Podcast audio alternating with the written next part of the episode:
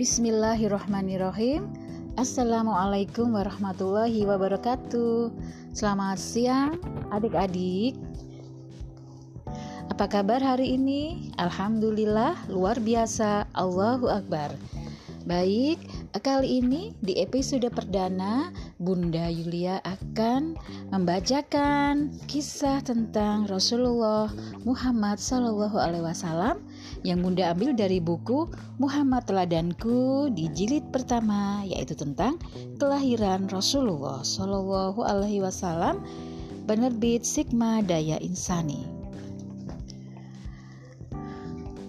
Letak Mekah Adik-adik tersayang, tahukah kalian nama kota suci kaum muslimin? Ya, betul. Kota suci kaum muslimin adalah kota Mekah. Di kota Mekah inilah letaknya Ka'bah, Baitullah. Ke arah Ka'bah lah seluruh muslim di dunia menghadapkan diri jika sedang sholat. Di kota Mekah inilah Nabi kita tercinta Muhammad Shallallahu Alaihi Wasallam dilahirkan.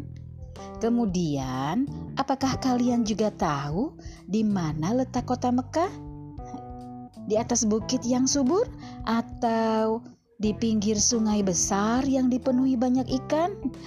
Adik-adik tersayang, sebenarnya kota Mekah adalah sebuah lembah yang tidak begitu luas di tengah lautan pasir. Bukit-bukit mengurung lembah ini rapat-rapat. Begitu rapatnya, sehingga cuma ada tiga jalan untuk keluar dan masuk ke Mekah. Jalan pertama menuju ke Yaman, jalan kedua menuju ke Laut Merah, dan jalan ketiga adalah jalan menuju ke Palestina.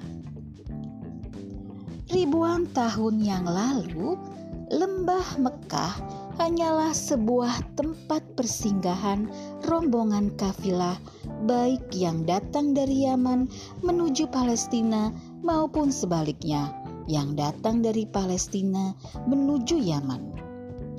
Nabi Ismail lah yang pertama kali membuat Mekah menjadi sebuah kota. Adik-adik tersayang, Kota Mekah terletak di Jazirah Arab. Seperti apa ya Jazirah Arab itu?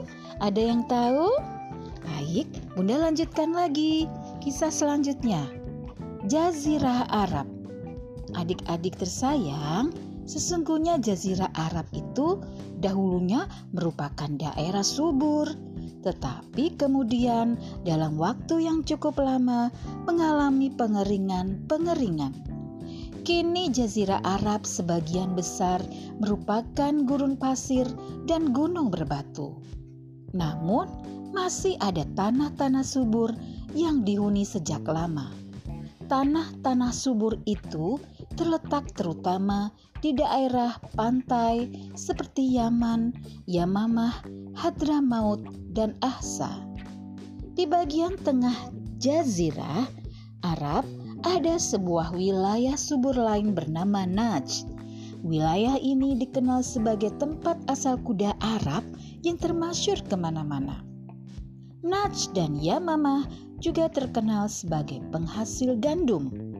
Demikian banyak gandum yang dihasilkan sehingga konon mampu memenuhi kebutuhan seluruh penduduk Jazirah Arab yang ketika Nabi Muhammad Shallallahu Alaihi Wasallam dilahirkan berjumlah sekitar 10 sampai 12 juta jiwa.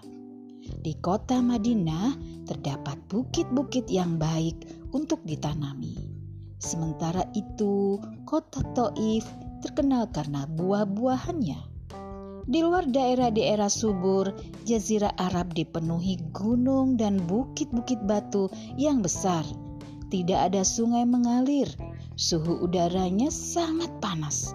Karenanya, penduduk Arab umumnya suka mengembara.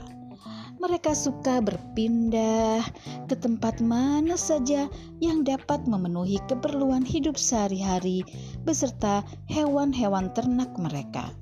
Adik-adik tersayang, apakah kalian mau berkenalan lebih jauh dengan penduduk Arab? Mau? Alhamdulillah, uh, kisah selanjutnya nanti Bunda bacakan di hari berikutnya. Uh, sekian dulu dari Bunda. Assalamualaikum warahmatullahi wabarakatuh.